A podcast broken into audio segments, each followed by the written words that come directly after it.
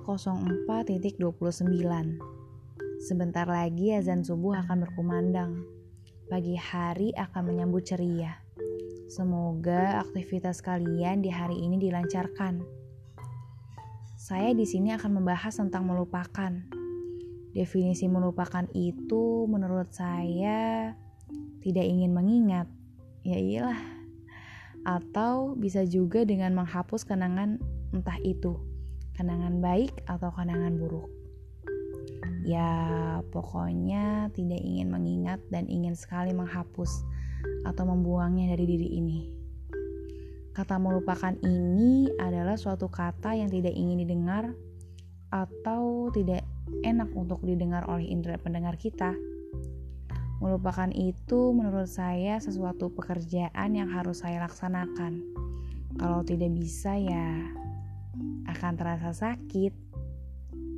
Sangat sulit memang apabila kita ingin melupakan terutama kepada seseorang yang kita cintai atau kepada seseorang yang begitu banyak mempunyai kenangan baik atau kenangan yang indah bersama kita.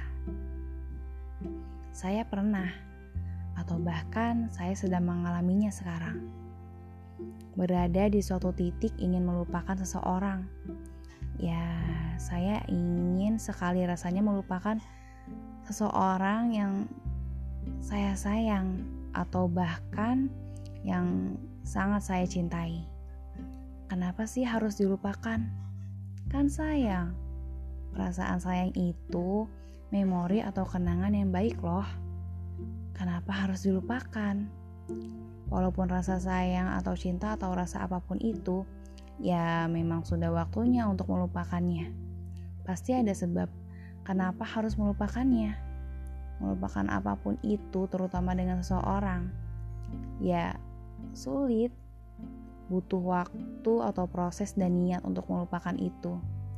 Capek fisik, iya, memang, bahkan capek hati juga.